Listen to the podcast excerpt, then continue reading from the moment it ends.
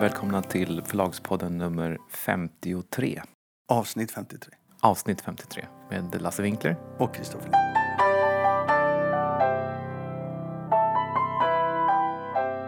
Det är två saker som jag tänker på med momssänkningen. Eh, det ena är hur momssänkningen kommer slå olika på de olika aktörerna. Och den andra frågan är hur man, författare, förlag, folk i allmänhet tycker att momssänkningen ska påverkar konsumenten. Och här menar då jag att, eh, att vi har ju, vad vi har sett eh, i liksom alla tjänster det är ju att ersättningen till förlagen och upphovsmännen har sjunkit ganska kraftigt och att den är ganska pressad. Och eh, att då ta momssänkningen och sänka då kostnaderna för streamingtjänsterna som redan är ganska låg, det tror jag är mycket, mycket olyckligt. Så här får jag hoppas att alla streamingtjänster håller i sina eh, priser och inte sänker dem och att det inte är någon av streamingtjänsterna som försöker vinna abonnenter genom att sänka sina... Här är inte vi överens, men fortsätt. Eh, det är min ena, det är min ena eh, väldigt bestämda uppfattning. Och det andra är att eh, Storytel och Nextory har ju fasta ersättningar och det är bra och de ligger på en ganska hög nivå jämfört med... med, med du menar Bookbeat och Nextory? Ja, de ligger, de ligger ganska bra. De har fasta ersättningar. Och där kommer då momssänkningen, om de inte höjer sina ersättningar, bara att innebära att de får högre marginaler. Medan på Storytel med revenue share-modellen så kommer allt annat lika eh, detta leda till 18% högre eh, royaltyutbetalningar till ja, Hälften går till Storytel. Ja, men om, ja, eller ja, det blir ändå i procent så blir det inte hälften är väl 60-40. Okej. Okay. Mm. Men det blir ju ändå, det blir ju ändå en höjning då av, av detta. Det är en skatt, en statlig skatt. Den tas bort. Mm. Då ska inte kunderna fortsätta betala den. Då ska man sänka priset med momsen. I alla fall så borde politikerna kräva det. Ingen har sagt ett ljud. Kommer du ihåg förra momssänkningen? Då skrek de som fan. Jag hade en, en, en, en, röst, i te- vänta, jag hade en röst i telefon som var oerhört irriterad på detta, politikernas vaga intressen. En gång i tiden så satte de sådana otroliga krav på marknaden. Ja. Nu skiter de i det. Men, Varför det? Eh, ja, alltså, jag tror man inte har tänkt så mycket på det. Det här är ju att vi har en högre moms på, på ljudböcker eh, och e-böcker är ju något knas som inte borde finnas där. Det här är ju snarare en korrigering till något som borde vara självklart. Principiellt är det en skatt som försvinner. Men ska kunderna alltså den förra momssänkningen var ett bra exempel på att, man, att priserna kanske sänktes lite för mycket. Den slog igenom helt och hållet på, på priserna. Böcker har blivit väldigt billiga. Böcker har blivit väldigt billiga. Det är ju jag är ju nu för fria priser men det är klart att på en marknad där priserna blir allt för låga så får ju förlagen problem med sina marginaler och även författarna får, får sämre intäkter. Så det ligger ju inte i författarnas och upphovsmännens intresse att böckerna ska kosta ingenting. Ehm, så att den här momssänkningen det kommer bli väldigt svårt att höja. Om, om streamingtjänsterna låter momssänkningen gå igenom så kommer det bli väldigt svårt att höja de där priserna sen. Nej, jag menar man ska göra det i två steg. Man ska ta bort skatten för att markera att skatten är någonting som staten har tagit. Sen ska man höja priset. Åtminstone till 190 spänn eller nästan 200 spänn. Och det tycker jag är lågt i sig själv. Jag tycker att de här... Vänta nu här. Du säger att man ska sänka priset sen höja priset. Vad, ja. vad var det för logik? Först ska man sänka priset med momsen. Sen får man ställa sig frågan, den marginalen de har idag, ja. för den är ju samma. För momsen försvann ju till staten och nu försvinner den till kunderna. Så organisationerna Bookbeat, Nextory och Storytel har inte tappat några pengar. Men de behöver se över sitt eh, erbjudande till kunderna. Och sen ska man höja det? Ja. Och ja, då ska man göra, ja, jag vet varför de gör som de gör, för det är svårt att höja priset. Men jag tror att man ska föra en helt annan diskussion idag. Alltså jag blir så trött på det. det ja, blir det då? Men, men, ja, men det, liksom, det, funkar ju inte så. Man kan inte, det funkar inte pedagogiskt så att man kan inte sänka det och sen så säga det här beror på momsen, det får ni tillbaka och nu höjer du och det beror på det här. Det funkar inte så. Psykologi, psykologin funkar inte så. Det är inte kulturpolitik att driva streamingtjänst. Nej, det är det inte. Men, andra sidan, men, men när de gått så långt ner nu att författarna får så fruktansvärt lite ersättning, då ska man höja priset. Och jag, jag ja, men då ska man ju använda momssänkningen till att höja priset. Genom att inte sänka priset så höjer man det indirekt. Ja, nej, jag, jag tycker att det är fel. Jag tycker att man ska tydligt markera att en statlig ja. skatt ska gå tillbaka ja, till kunderna. Det där är bara naivt. Jag tror inte vi kan säga mer om det. Men det, jag hoppas att priserna ligger kvar. Ja, jag de kommer att... aldrig kunna höjas om de sänks. Jag hoppas att de höjer priserna på, på ljudbokstjänsterna. Jag tycker det är makalöst. Om man kan, den som kan till exempel läsa, lyssna på tio böcker i månaden. Jag lyssnar kanske på fyra, fem. Eh, men, men de har råd att betala. 169 spänn är ju löjeväckande. Det är bra för läsningen, det är bra för intresset. Men det är helt idiotiskt för eh, att det kommer innebära att väldigt många böcker inte blir gjorda. För det blir för små marginaler till slut.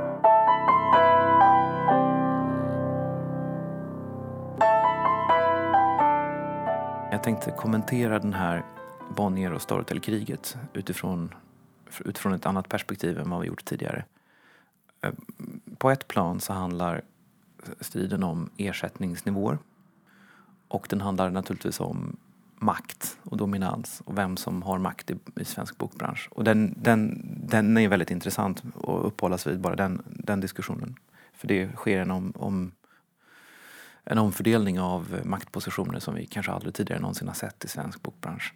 Men på ett annat plan så handlar väldigt mycket det här kriget om hur man ska se på just eh, streamingen. Därför att från Bonnier-sidan, där man vill ha de här väldigt höga ersättningarna, så är min känsla av att man verkar ha inställningen att streamingtjänst egentligen inte är något man kan driva med lönsamhet utan det här är bara ett sätt att eh, få intäkter som man tappat på annat håll. Medan Storytel kommer från ett annat håll eh, och drivs på ett annat sätt och har ett annat tänk.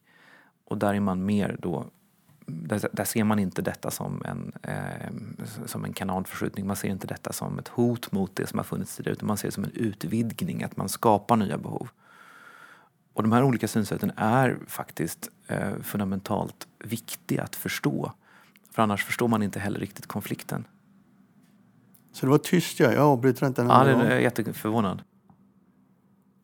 Och, och um, ur Storytels perspektiv så uh, med då revenue share så menar man på att det här är liksom något som tillför uh, pengar och som tillför lyssningar Medan man från det andra perspektivet snarare ser det som att man gröper ur fina marginaler, man förstör.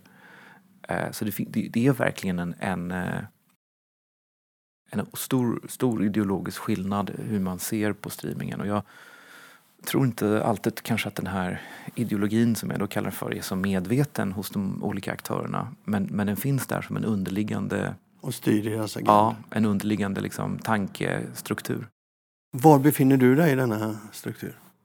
Jag har ju helt gått över till eh, den här lite mer dynamiska synen på streamingtjänster där jag, jag är känner mig ganska trygg i uppfattningen att mycket av den konsumtion som sker där skulle annars inte ha blivit av.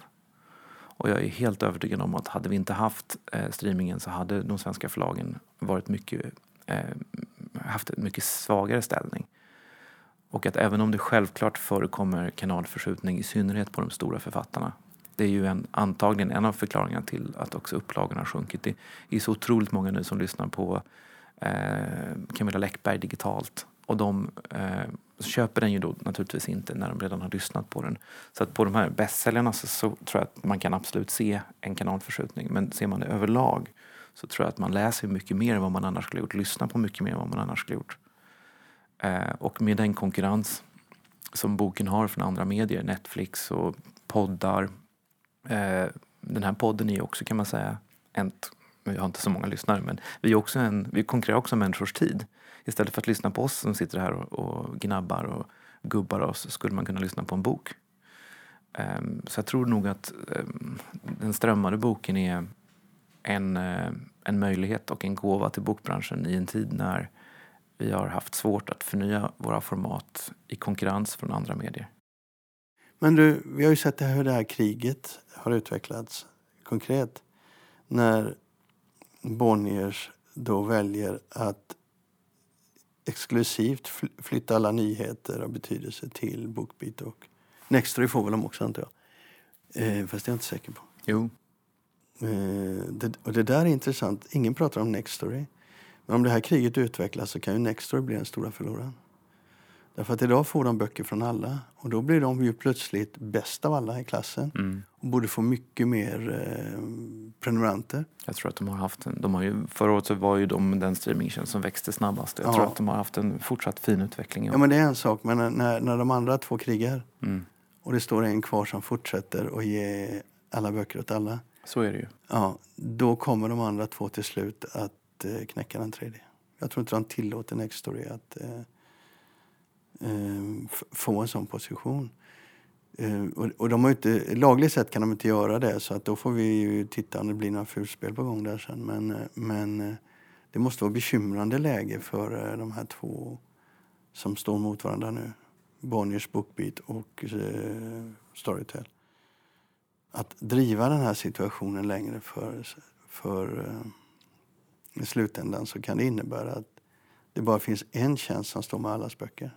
Så är det ju inte nu men, Nej men så kommer det aldrig bli. Eh, att det bara finns en tjänst som har alla böcker. Utan det mest sannolika om kriget fortsätter eller trappas upp det är ju att det kommer bli mer, mer eget innehåll, eh, mer karenser, mer exklusivitet och så vidare. Men det är, jag tror att alla har hittills tjänat väldigt mycket på att böckerna har funnits på alla, alla plattformar. ja, kunderna eh, Nej men även, lyssnar. även aktörerna har tjänat på det för att det har bidragit till en starkare tillväxt. Så är det ju. Men nu ser vi ju då hur exklusiviteten breder, ut sig. Eh, och du kanske ska berätta lite om det. Ehm, För helhetens skull kanske du ska berätta lite om det. Ja, eh, alltså vi, Dag Örlunds senaste bok om hans kommissarie Trut, den kommer då finnas på Storytel med exklusivitet i sex månader. Det där är ju ett bekymmer tycker jag. Hur, ja, Alltså jag tycker exklusivitet är ett bekymmer. Därför jag gillar en fullständig en marknad där alla har tillgång till allting. jag håller med. Jag håller med. Jag tycker att det är tråkigt med exklusivitet. Ehm, bakgrunden till det här är att eh, vår största kund, eh, en kund som har byggt Linden Company kan man säga i modern tid, en kund som har byggt Dag Örlunds författarskap, eh, har enorma problem eh, för de blir utsatta för sanktioner från Bonnier. Eh, Och de utsätter Bonnier för sanktioner ska vi också säga. Ja, det är mot, mot eld då försöker de sänka Bonniers försäljning. har de ju själva talat om. Eh, men de har kommit loss och eh, bett om att få exklusivitet. Vi har inte varit särskilt pigga på det. Men sen har vi eh, ändå känt att vi vill göra det här för Storytel. Som har gjort så mycket för oss. När en sån här saker händer så Folk har blivit väldigt, väldigt arga på den här exklusiviteten för Trut. Mycket, mycket mer än vad jag trodde, måste jag erkänna. Eh, Jag hade ingen aning om att det här skulle väcka upp så starka känslor. Det har ju funnits böcker tidigare som bara... Alltså dels har vi den här situationen när många av de starkaste Bonnier-böckerna bara finns hos Bookbeat, eller inte finns hos Storytel. Sen har ju Storytel själva sina originals och de har ju haft, de har ju haft exklusivitet på andra titlar. Harry Potter. Ja, jag tror att man tenderar i ett sånt här läge att överskatta lite grann betydelsen av exklusivitet. Det, och man, man drar lite för snabba växlar. Rädslan som finns är ju då att om eh, en situation fortsätter där eh, man måste ha eget innehåll för att kunna driva streamingtjänst så kommer då de som inte har eget innehåll, och det är Nextory och Bokus Play, att eh, hamna utanför och hamna, hamna i kläm så att säga. Men det är ju väldigt långt kvar till dess. Bara för att någon titel här och där är exklusiv så tror inte jag det gör någon skillnad. Ja, jag är ju inte av samma åsikt som du där, men jag är ju heller inte eh, direkt inblandad i den här affären. Men jag tycker att, eller jag, jag antar att du kommer att få eh, fler konflikter runt detta och du har fått en precis nyss. Akademibokhandeln har satt hårt mot hårt. Ja, Akademibokhandeln blev otroligt arga. Eh, och eh, ehm, de har då sagt att om inte vi får den här titeln i alla format eh, så kastar vi ut den titeln. Eh, så att de gjorde det med omedelbar verkan. Alltså de har returnerat den här boken och det är då Ingen lämnas kvar av Dag Örlund. Eh, de har returnerat den från sina butiker och de har tagit bort den från Bokus. Bara för att de inte fick den i Bokus Play Ja, digitalt. ja. Eh, Det låter som att liksom använda kanon mot mygg.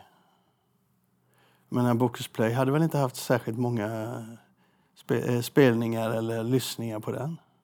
De förlorar väl inga pengar på Nej, så? alltså, du har helt rätt. Jag, när, när jag gick med på den här exklusiviteten så fanns det inte på min karta att jag skulle kunna göra någonting som Akademibokhandelsgruppen, som man då kanske ska säga, som då inkluderar Bokus och Bokus Play, eh, skulle, kunna, skulle kunna skadas av eller ta illa vid sig av. Eh, men då menar då de att Bokus Play är så oerhört viktigt. Även om det är en mycket, mycket, mycket liten aktör. Och det var det som var min tanke också, att den, den skada som, som, som eh, åsamkas de här är minimal. Eh, men de eh, tyckte då inte att detta är okej. Och jag tror att här handlar det väldigt mycket om det som du själv då ger uttryck för. Alltså en rädsla för att börjar man med exklusivitet så kommer det skapa en situation där de har svårt att konkurrera med Bokus Play. Eh, men jag vill då mena på att det är väldigt långt dit. Vi kanske aldrig kommer dit. Eh, och att streaming handlar om en helhetsupplevelse där enskilda titlar inte är betydelsefulla på det sättet. Jag tycker att det var en överreaktion från Akademibokhandeln och under mina 20 år i branschen har jag aldrig varit med om något liknande. Men jag har respekt för att de resonerar så. Jag menar, det, det, det, det är ett beslut som grundar sig i rädsla. Och de vill stämma i bäcken så att inga andra förlag ska göra som jag har gjort. Ja, det spelar ingen roll vad jag tycker i det här sammanhanget. Jag har inga affärer med dem. Men jag måste ändå uttrycka det att jag tycker de beter sig otroligt märkligt. Det är att skjuta med mygg med kanoner. Ja, det, det, gynnar, det gynnar inte bokbranschen. Nej, men det gynnar inte dem själva heller. Just, om man tar Bokus Play så... Eh, jag kollade upp siffrorna, mina egna siffror och i, i april så omsatte vi 9000 kronor på Bokusplay. Och den bok som hade mest lyssningar hade 17 lyssningar. Den bok som hade näst mest lyssningar hade 11 och den tredje mest lyssnade hade 5. Jag tror att just nu så är det en marknad som håller på att ritas om. Och då styrs väldigt många av rädsla. Eller många, många, många präglas av rädsla, många beslut präglas av rädsla. Och jag tror att det här är ett sånt. Man är väldigt osäker på vad som kommer hända. Det är väldigt jobbigt när en marknad håller på att förändras. Och jag tror att, att alla just nu är, drar, liksom springer lite för snabbt, drar lite för snabba slutsatser och är lite för oroliga. Och eh, vad man, jag skulle vilja också bara nämna någonting där med exklusiviteter för att um, återigen, jag har liksom respekt för Akademibokhandelns beslut och, och, vi har ett jättefint samarbete i övrigt eh, och eh, de har absolut rätt att göra som de har gjort. Eh, men de jobbar ju också med exklusivitet. Eh, de har ju satsat jättemycket på det på sistone. De har, eh, dels har de gjort egna anteckningsböcker som är helt och hållet i deras egen produktion. De har också ett samarbete på gång med Triumf förlag där de gör egna barnböcker. Eh, och det är väl inte heller någon hemlighet att ganska ofta när vi gör våra realistor så skickar vi dem till Akademibokhandeln först. För de är de enda som kan ta ganska stora volymer av ett väldigt stort antal titlar. För då kan de liksom plocka ut det de vill ha. Och även utöver de där realistorna så brukar de ibland, gör vi ibland specialgrejer. De har exempelvis haft alla våra Hans Fallada-böcker exklusivt på, på rean, alltså för alla andra. Um, så att jag tror liksom att man... Nu, nu är Storytel det stora hotet. Inte bara så att, att det är ett hot mot Bokus Play utan man, man betraktar nog Storytel i största allmänhet som den stora utmanaren. Man ser eh, minskad bokförsäljning som en direkt konsekvens av streamingen. Eh, och där, där, där tror jag ju att man så att säga, överreagerar och kanske inte ser att man själv ibland jobbar med exklusivitet och att det inte kanske skadar hela branschen så allvarligt som man tror. Jag menar bara att även, även den fysiska delen av bokbranschen jobbar med exklusiviteter ibland. Det är inte liksom någonting helt nytt som Storytel har hittat på. Vi sätter punkt här för denna gången va? Ja, jag tror tyvärr vi får återkomma. Det tror jag med.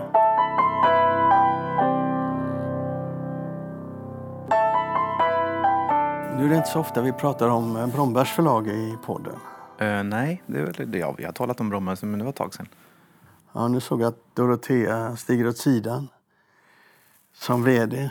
Men hon är ju kvar. Hon kommer ju att styra ja, förlaget. Ja, jag såg det också. Svensk Bokhandel skrev att... Ja.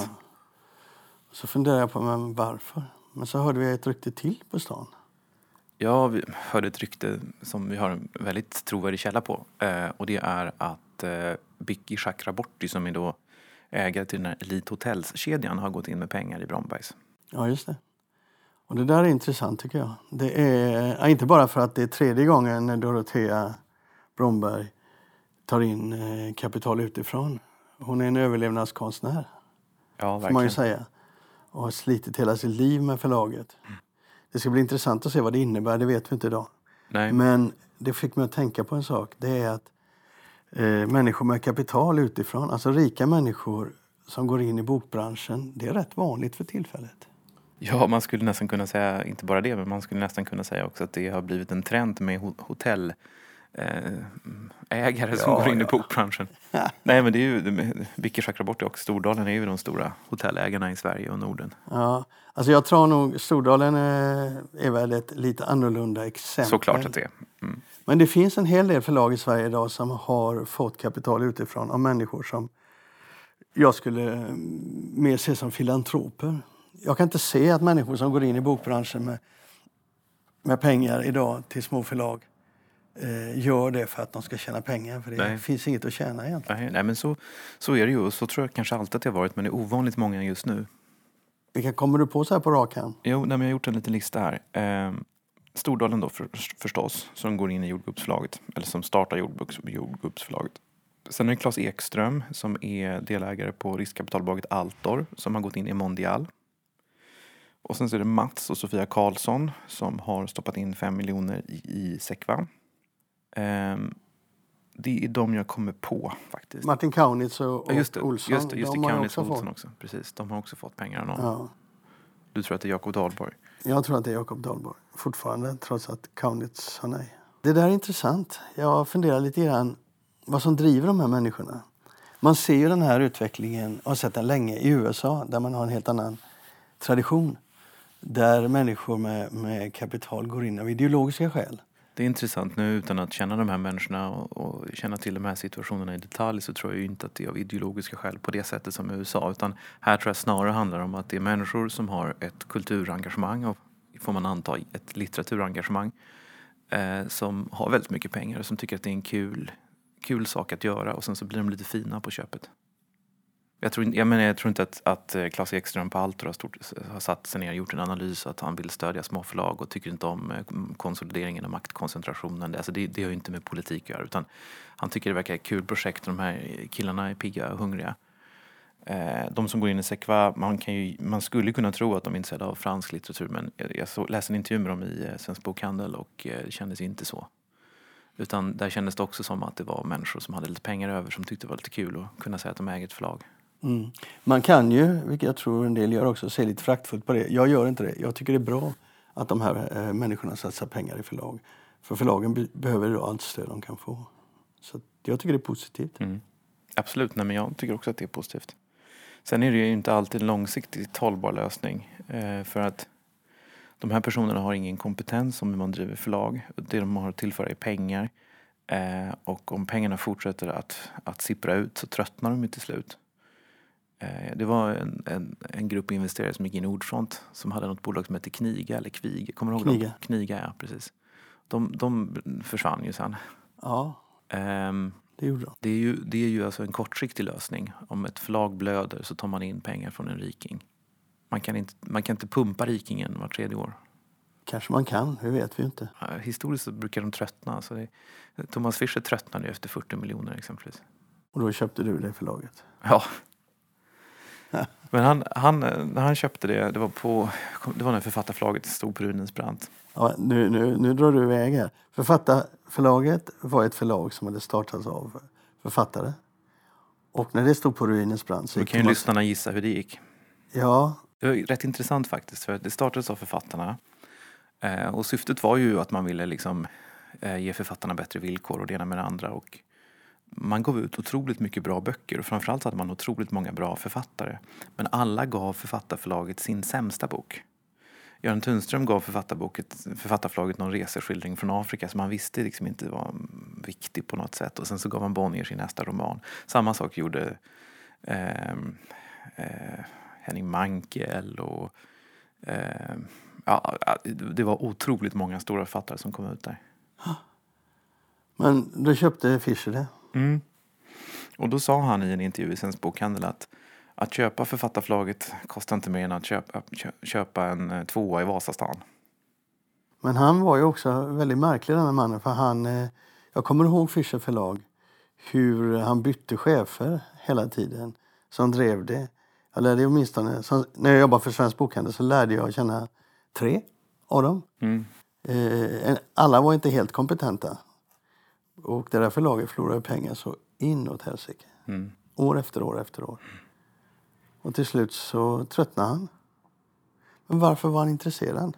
Du köpte ju av honom så du bör väl veta det. Eh, jag har aldrig pratat med honom om det men jag tror att det var två skäl. Eh, det, ena, det första skälet naturligtvis var att han var på den tiden väldigt rik. Eh, det var före finanskrisen, han var miljardär.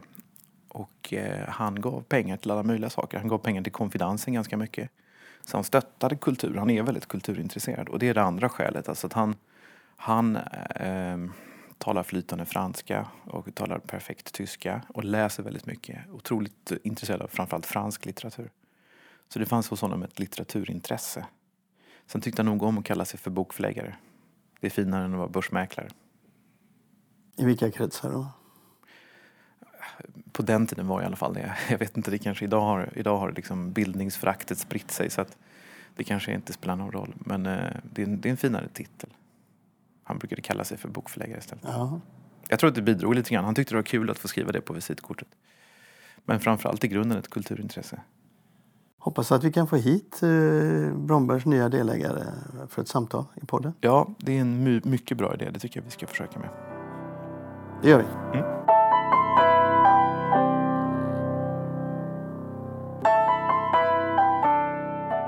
Förläggarföreningen hade årsmöte för några veckor sedan och då besöktes föreningen av Sakari Lovio från Adlibris.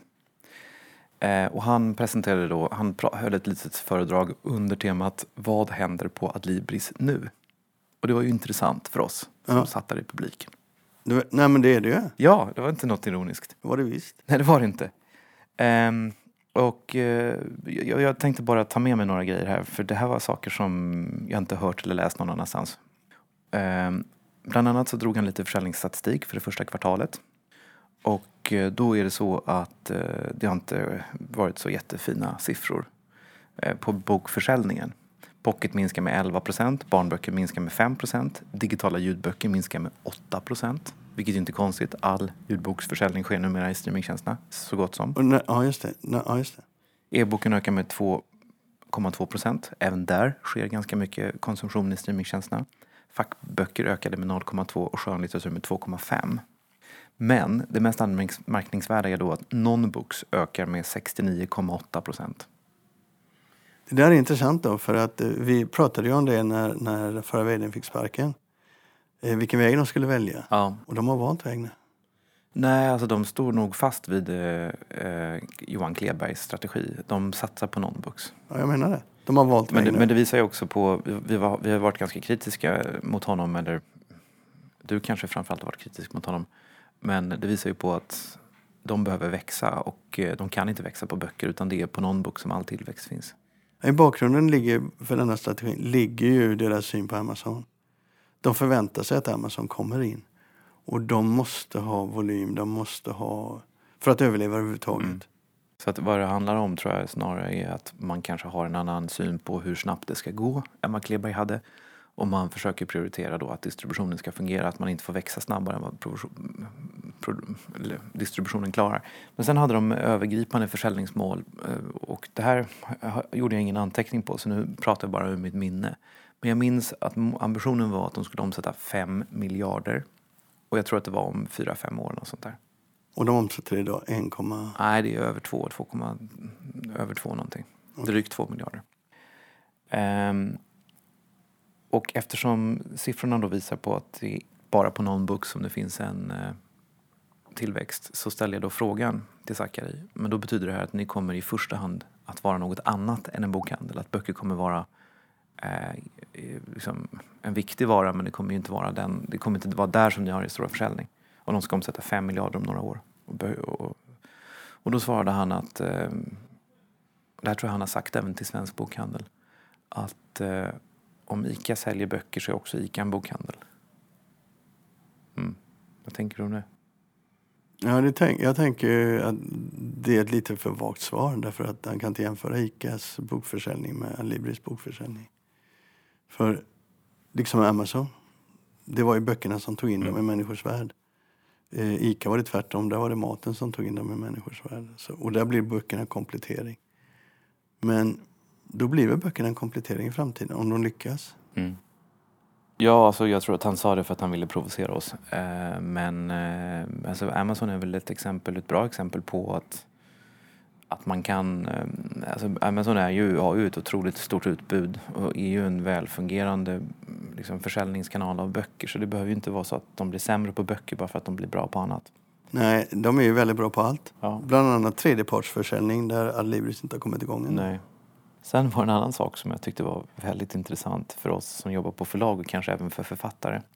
Eh, och det är hur stor del av deras totala försäljning som sker genom kampanjer. Vet du det? Nej, ingen aning. Vad skulle du tro? 5 procent. Exakt. Hur visste du det? Nu ser inte radio, de som lyssnar här, att jag knackar med fingret på mitt huvud. Ja. Eh, nej men den siffran var chockerande för mig. Därför att eh, det är ett otroligt fokus från förlagens sida att eh, få vara med i de här kampanjerna. Ehm, och det är otroligt fokus också från naturligtvis från författarnas sida att man är med i de här kampanjerna. Man uppfattar det som väldigt, väldigt viktigt. Eh, man ligger på Adlibris hårt. Ja, samma sak gäller naturligtvis Bokus. Ehm, man tror att de här kanalerna, är, de här kampanjerna som de har är ganska avgörande. Men det visar sig då alltså att det är bara 5% av den totala försäljningen. Eh, det tyckte jag var intressant.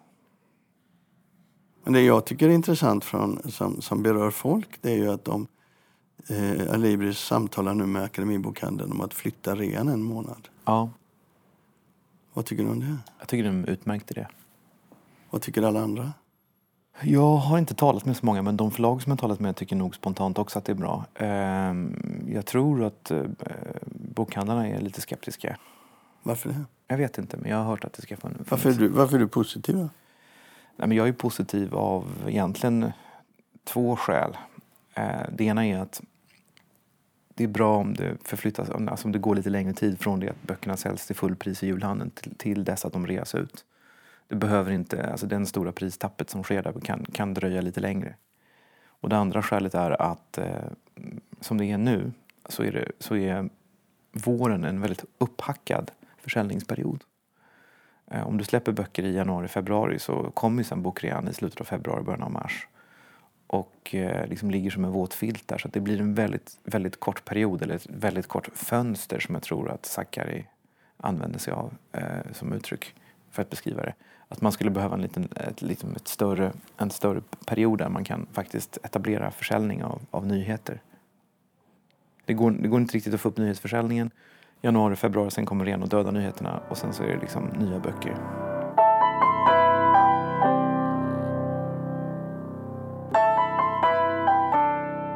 Tukan förlag har ju börjat satsa på läromedel i Sverige. Mm. Ett allmänutgivande förlag som börjar satsa på läromedel. Det var länge sedan det skedde. Ja, eller Bonnier har väl gjort det i olika omgångar. För att Bonnier har haft eh, läromedel har man sålt av och sen så har man byggt upp det igen och så har man sålt av och nu är man väl där igen. Ja, men jag pratar om ett förlag eh, som inte haft det förut Nej, som går in. Nej, nej det, är, det är väldigt intressant. Eh, och bakgrunden här är då att bokbranschen är ju en, en, bransch som alla känner väldigt mycket till. Alla kan, även folk som inte läser mycket böcker känner till Bonnier och Norstedts några förlag till. och man känner till författarna. Man vet vem Leif GW Persson och Camilla Läckberg är men läromedel har liksom levt och lever helt i sin egen värld. Det är en, annan, det är en helt annan bransch. Och i Sverige så är också, det finns två branschföreningar. Eh, en för allmänutgivning och en för då läromedel. Och I Sverige så är liksom det här åtskilt. Om allmänutgivande förlag i snitt kanske kan ha 6-7 procent över tid. Eh, mindre förlag oftast i vinstmarginal. i vinstmarginal. Mindre förlag oftast betydligt lägre. Så ligger då, var, eh, ligger då läromedelsförlagen och eh, dunkar in 20 procent om året. Det är alltså fantastiska vinstmaskiner. Och med tanke på att läromedelsförlagen ju faktiskt får sina pengar från skattemedel så kan man tycka att det är lite provocerande. SVT har gjort en eh, sammanställning av det här och eh, den genomsnittliga vinstmarginalen 2017 låg på 19 procent. Eh, och, flera, alltså, och då jämför de då med att spelbolagen som är så otroligt hårt ansatta och eh, har fått så mycket skit i media. Eh, de har en eh, vinstmarginal på 14 procent och bok och tidningsförlag på 4 procent. Så du, varför går inte du in i läromedelsutgivningen? Jag har tänkt den tanken jättemånga gånger. Ehm, men jag har liksom inte riktigt, tiden räcker inte riktigt till.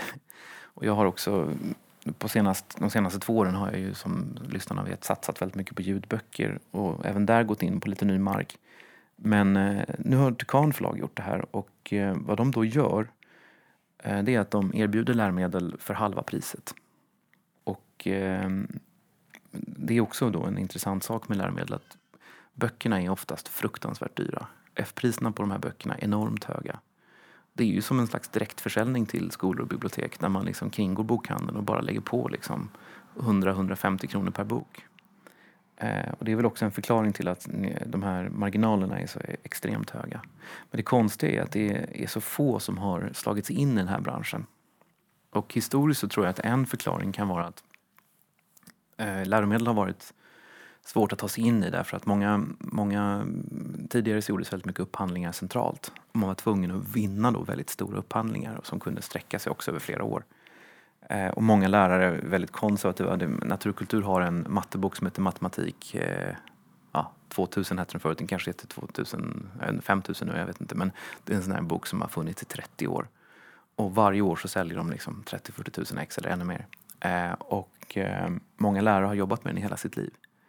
Och att få dem att ta en annan mattebok, det kan vara ganska svårt. Så det finns ju trösklar här, etableringströsklar som är ganska svåra att liksom ta sig över. Ehm, eh, men nu gör då Tukan detta och eh, de gör kvalificerade läromedel till halva priset. Eh, så det ska bli väldigt spännande. Samtidigt är det så, om du tittar internationellt, de stora förlagen i världen är läromedelsjättar. Elsevier, det är eh, McGraw-Hill och det är Cengage. Och de två sista har nu slått sig ihop just för att marginalerna börjar sjunka. Alla är medvetna att de har tagit enorma marginaler förut. Men nu har ju till exempel Cengage startat en prenumerationstjänst eftersom de har sett hur färre och färre läromedel köps utan de kopieras digitalt på nätet och man använder sig av begagnade böcker. Så marknaden har sjunkit trots att studentantalet i USA har ökat. Och då har man försökt hitta nya sätt att möta detta. Med eh, prenumerationer och eh, köpa eh, liksom sammansatta häften. Jo, och, så. Nej, men här har du absolut, och då minskar, då här, minskar vinsterna. Här, här har du absolut en poäng. Alltså jag, jag, tittade upp, jag kollade upp siffrorna för Glerups, Liber, Sa, Sanoma, Norstedts juridik och studentlitteratur. Och eh, med undantag för studentlitteratur som har ökat ganska mycket eh, de senaste åren men som ju också vänder sig till universitet och högskolor i motsats till de, de jag nämnde tidigare. Ja, förutom Norstedts juridik då. Så har de här förlagen faktiskt minskat lite grann över tid. Så det är ju, de här volymerna till, på läromedelssidan har ju minskat. Och det tror jag inte så mycket beror på privat, piratkopiering som att skolorna har väldigt tajta budgetar och man har satsat väldigt mycket på digitala läromedel. Eh, och att det just har varit att man, att man inte prioriterar böcker lika, lika mycket som det digitala. Men trots detta, alltså trots att man, man är över tid och kan se att det är en, en, en någorlunda en svag liksom minskning av omsättningen så ligger då marginalerna kring 20 procent.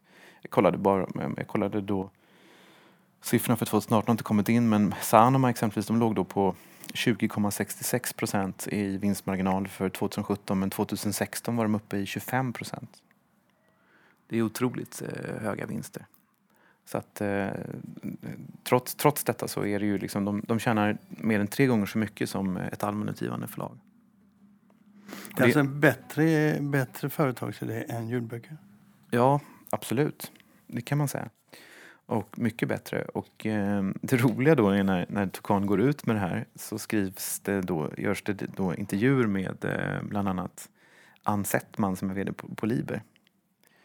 Och eh, hon säger då så här att, eh, Eh, att de gör det här för att de måste, de måste satsa på forskning och utveckling. Det är därför de måste tjäna så mycket pengar.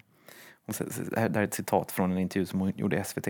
Vår ambition är att fortsätta vara lönsamma därför att det stärker oss långsiktigt för att kunna använda pengarna till forskning och utveckling de här redovisade vinsterna över tid är ju efter att man har tagit forskning och utveckling. Men ja, vad tror exakt. du att det är? Liksom? Det är ju inte AstraZeneca, liksom. det är inte nya blodmedelspatent som de tar fram, det är inte cancermediciner de forskar fram.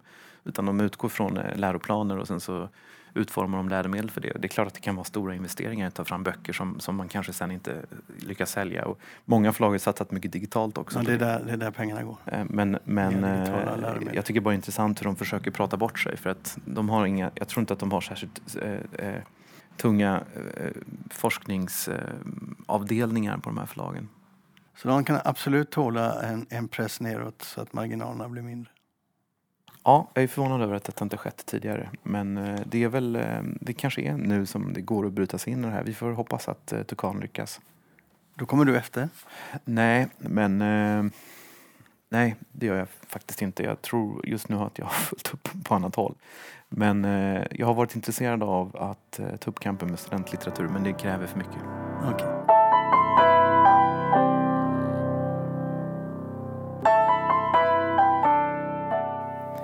Och det var avsnitt 53 som är slut för idag. Men det kommer ett avsnitt till, nummer 54. Yes. Hej då. Hej då.